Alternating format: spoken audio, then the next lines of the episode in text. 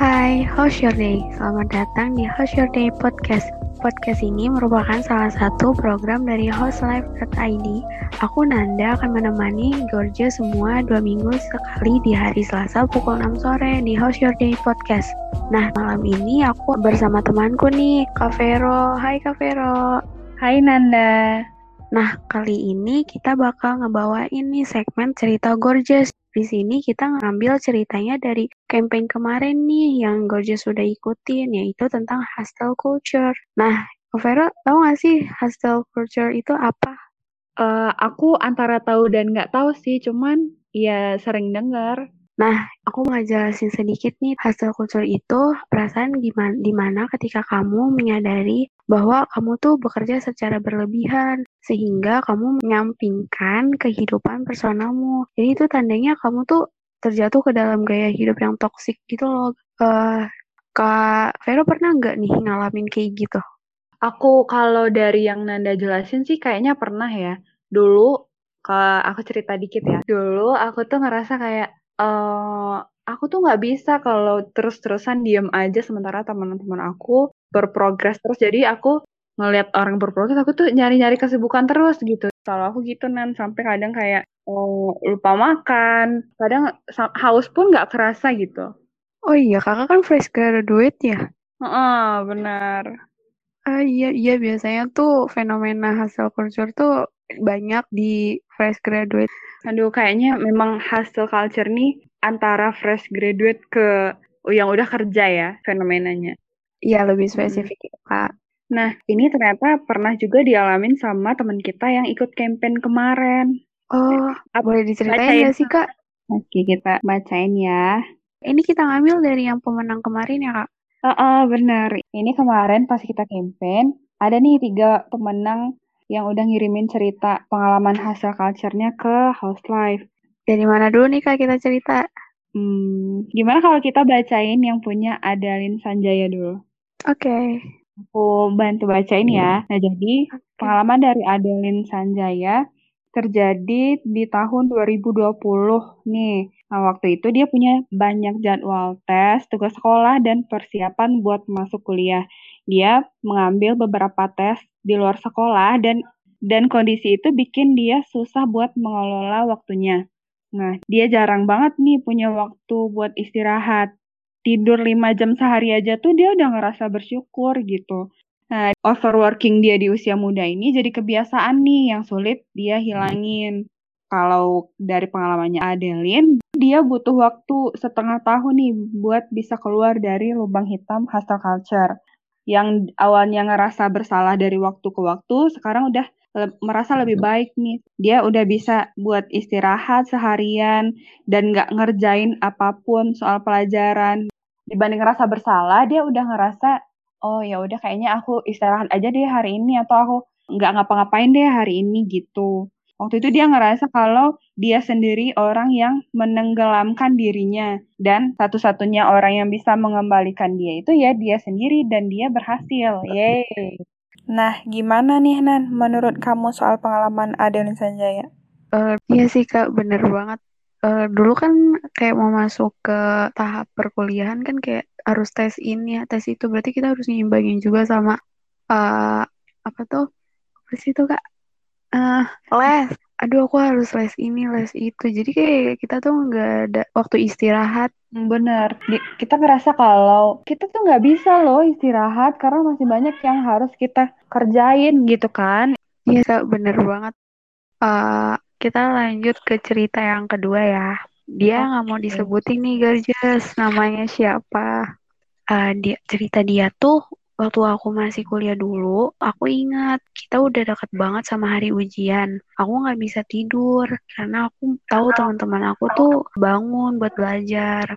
Selama kurang lebih empat tahun, aku mulai kelas di pagi hari sampai sore pukul 2 dan aku langsung pergi ke perpustakaan kampus dan habisin waktu buat belajar di sana. Setelah itu aku pulang dan belajar lagi sampai pukul 11 malam dan cuma tidur selama dua jam. Terus aku bangun lagi pukul satu dini hari dan belajar lagi sampai pagi. Aku tahu ini gila banget, tapi aku ngelakuin itu karena teman-temanku percaya kalau sukses itu datang dari kerja keras, bukan keberuntungan. Aku inget banget aku pernah demam di hari pertama sampai hari terakhir ujian dan setelah itu sembuh. Tapi nggak lama karena di minggu berikutnya lagi-lagi aku demam dan aku ngerasa kayak stres banget karena sebelum tidur aku berpikir gimana ya besok aku nggak bisa menjawab pertanyaan ujian dengan benar. Jadi berdasarkan pengalamanku, kalian harus belajar kalau hasil kultur itu berdampak buruk buat kesehatan kita secara fisik dan mental. Intinya, kalau kita mau mencapai apa yang kita inginkan, ya memang seharusnya kita bekerja keras, tapi jangan sampai menghabiskan kesehatan kita.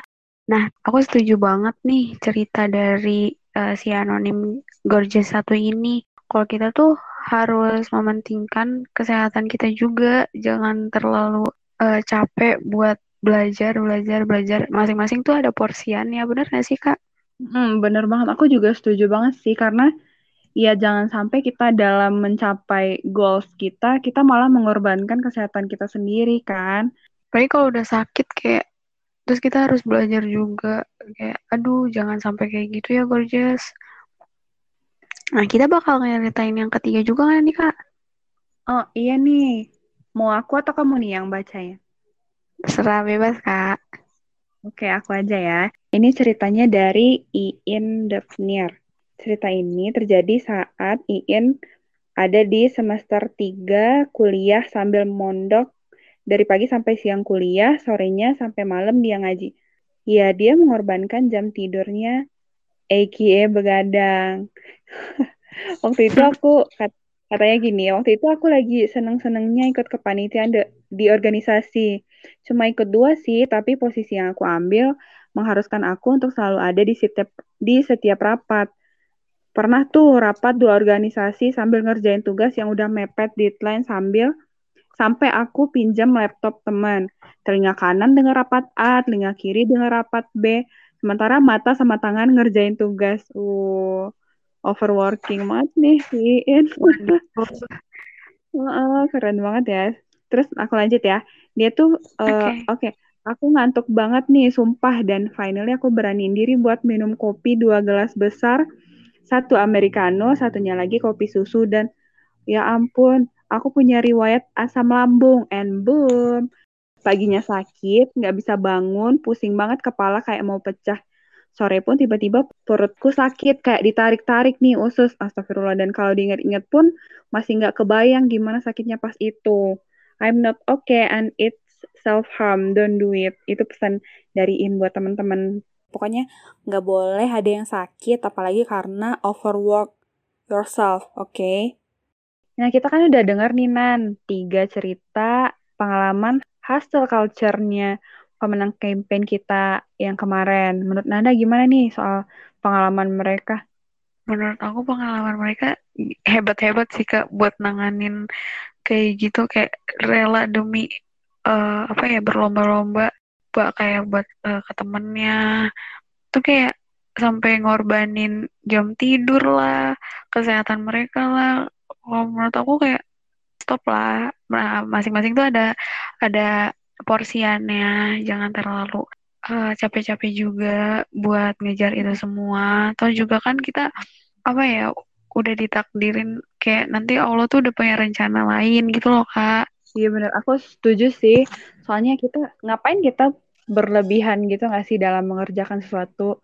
Tuhan aja nyuruh kita jangan berlebihan, secukupnya aja gitu kan. Kalau ng ngikutin budaya hasil culture tuh kita berasa kayak memaksakan diri gitu nggak sih Nan jatuhnya? Iya, soalnya hmm, soalnya hmm. nih ya Kak, dampak negatif hasil hostile culture itu uh, di di samping dampaknya terhadap uh, kesehatan fisik kita, kita tuh juga dapat berujung kematian kak. Hasil khusus tuh juga dapat mempengaruhi kesehatan mental seseorang juga, ya nggak sih kak? Seserius itu kan hasil culture ini, kayak iya.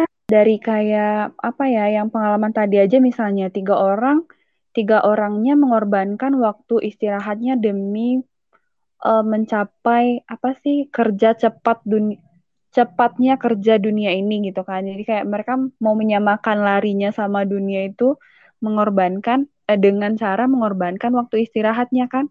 Itu bisa ya, apa sih mempengaruhi kesehatannya dia kan, fisiknya, mentalnya dan itu kayak kalau misalnya kurang istirahat bisa jadi sakit dan sakit kalau udah parah bisa jadi berujungnya kan ke kematian.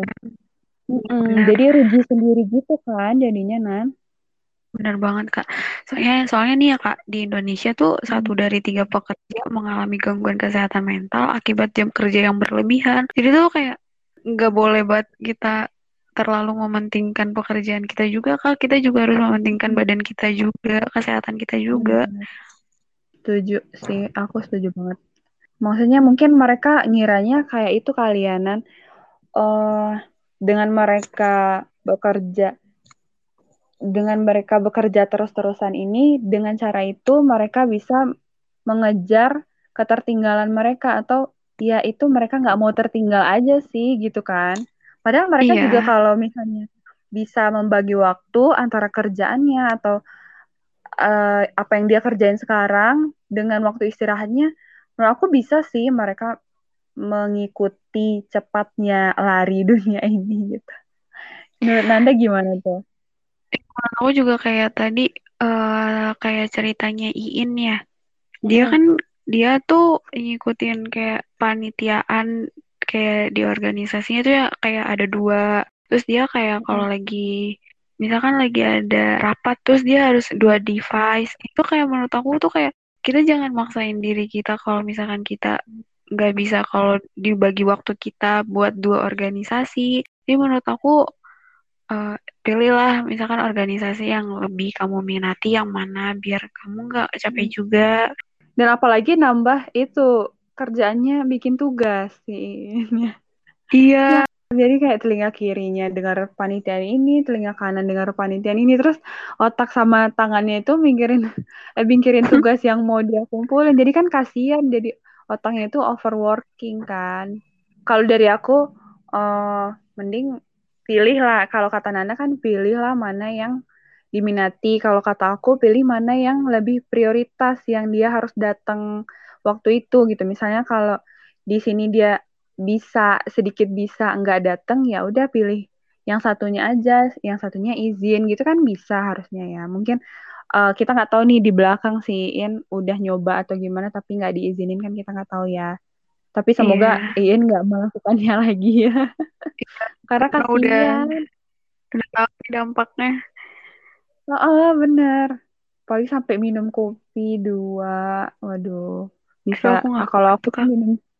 Aku minum kopi ya Allah sakit pa. sakit kepala. Tuh langsung kayak sakit perut kayak aduh kayak udah mules aja gitu kak. Saking nggak bisanya kita sama kafeinnya. iya ternyata nih Nan, uh, apa sih budaya hustle culture nih ada juga loh di luar negeri. Eh di mana tuh kak?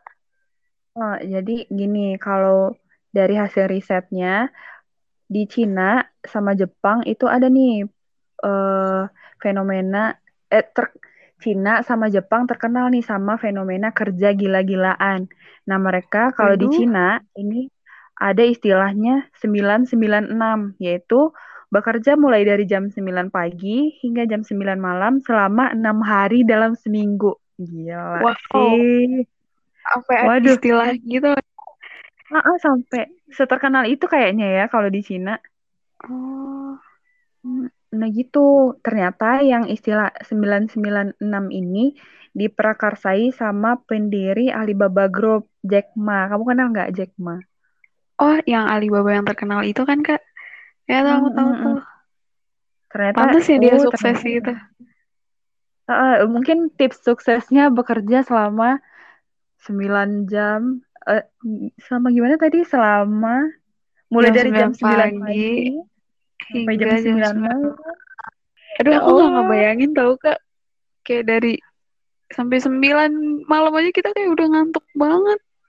Oh, bener, apalagi ya ampun itu kayak 12 jam dikali 6 ya ampun se overworking itu ya mereka. Jadi nggak kayak kalau kata aku sih nggak heran mereka negaranya jadi maju. Karena ya iya ya ampun sih. orang nah, kerjanya gitu ya.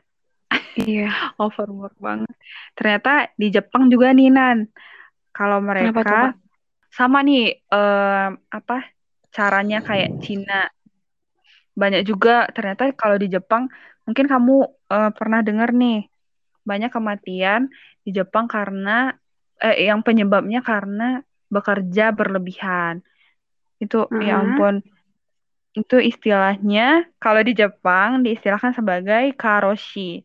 Aku pernah lihat berita gitu sih kayak ada orang tiba-tiba tidur misalnya ini di fasilitas umum ya kayak jalanan atau uh, halte apa sih kalau mereka bus ya anggaplah bus gitu kan jadi tiba-tiba Iya. kayak oh gitu kayak tidur kayak jatuh gitu ke lantai dan aku kayak hah kenapa Itu saking capeknya kayaknya kak.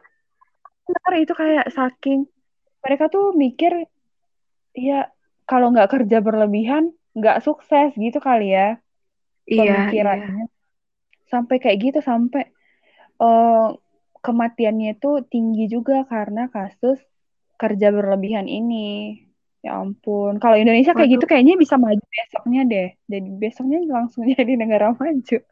Iya maju tapi banyak kematian juga ya kak. oh iya bener.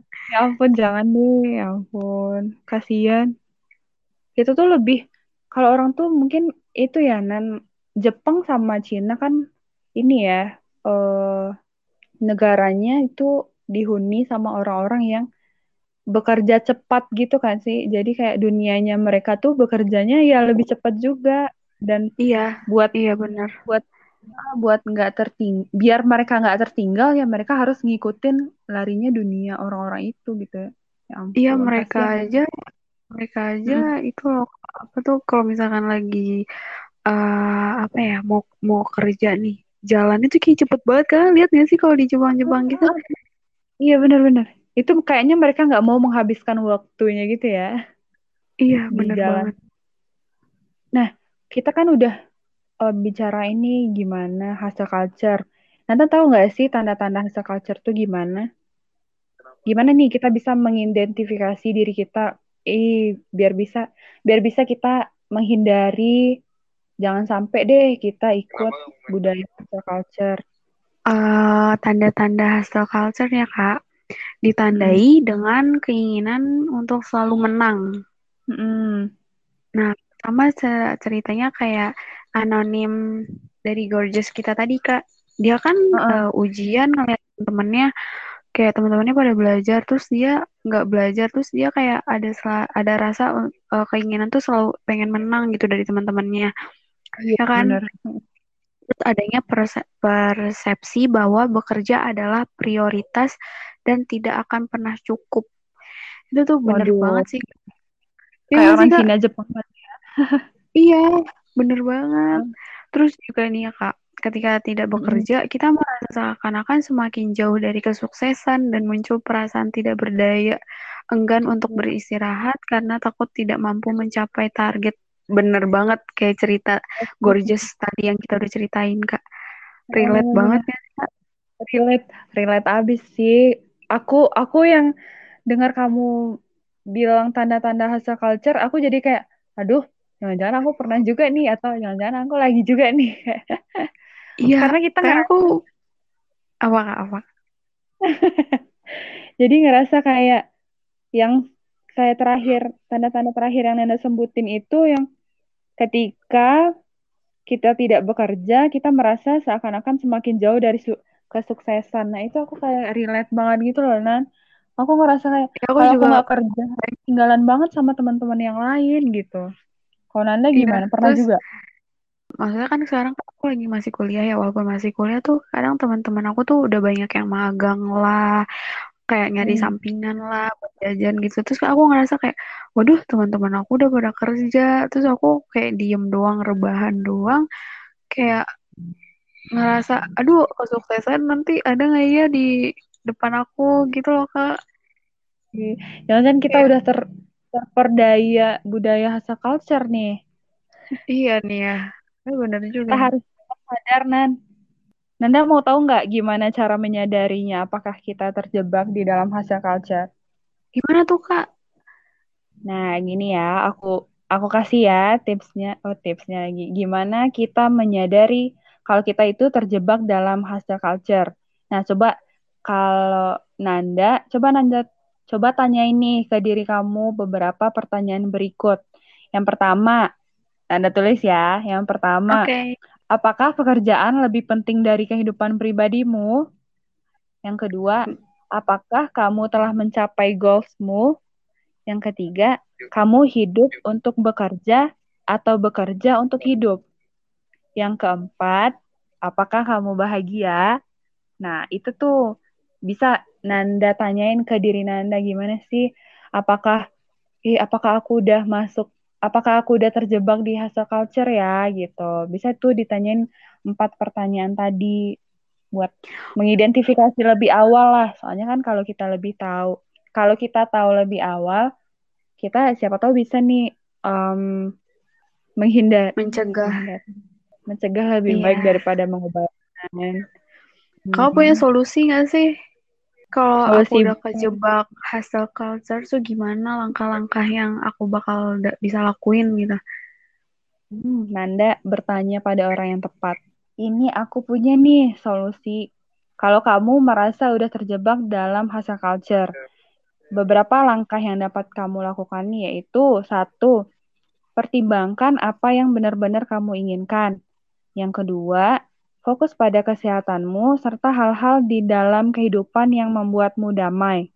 Yang ketiga, putuskan sesuatu dan atur kembali prioritas dan goalsmu.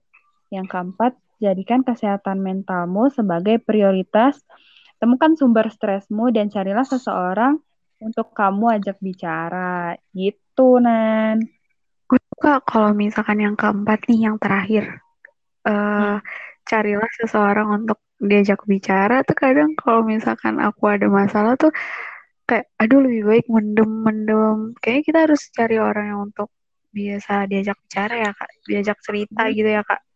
Benar kalau misalnya kalau dari aku nih ya pribadi kamu bisa cari dari teman sekeliling kamu. Siapa yang bisa kamu percaya mendengar cerita dan keluhan kamu dan kira-kira siapa yang bisa memberi solusi lah Nah, opsi lain, oh. opsi lain, Host Life ada nih menyediakan jasa peer counseling bersama konselor yang disupervisi oleh psikolog. Kalau kamu dan teman-teman Gerjes lain yang mau, bisa tuh daftar di link yang udah kita sediakan. Bisa dicek loh, Nan, highlightnya. Wah, seru juga nih, Kak. Ah, siapa tahu ntar kalau misalnya aku mau cerita, aku bakal daftar di situ deh, Kak. Oke, ditunggu kata kalau kata penanggung jawabnya sih ditunggu ya Nan gitu. Oke. Oke, ini ada quote sedikit ya buat uh, topik kita malam ini Nan. Apa tuh Kak? Ini, ini aku kutip dari teman salah satu teman pemenang campaign kita katanya banyak anak muda yang mengalami penyakit ini. Maksudnya penyakit itu hustle culture ya. Jadi produktif itu nggak apa-apa banget dan itu hal yang bagus. Tapi kita harus paham nih dengan batasan kita. Beristirahat nggak selalu berarti kamu itu prokrastinasi dan nggak akan membahayakan kita itu masih muda. Kita masih punya banyak waktu dan kita semua punya waktunya masing-masing. Jadi jangan merasa kita tertinggal ya. Gitu. Ih keren banget sih aku suka. Ih keren ya kak. Wah, aku kayaknya bakal ngeprint ini deh buat jadi lock screen. Dipajang juga kak di kamar. Oke, kayaknya udah ya, Nan. Udah. Aku nggak lagi nih yang mau disampaikan buat podcast kita. Oke, nggak kerasa kak kita udah 20 menit lebih. Ya ampun. Seru juga ya ternyata bahas hustle culture. Ah, bener-bener. Makasih Kak udah mau bareng aku di podcast ini ngebahas tentang hustle culture. Iya, makasih yang udah mengundang aku. Iya Kak. Oke, okay, gorgeous. Uh, makasih ini udah mau dengerin podcast kita. Kita bakal ketemu lagi di dua minggu depan di tepat di hari Selasa pukul 6 sore. Makasih ya Kak Vero udah mau nemenin aku. See you Kak Vero. See you Nanda. Thank you.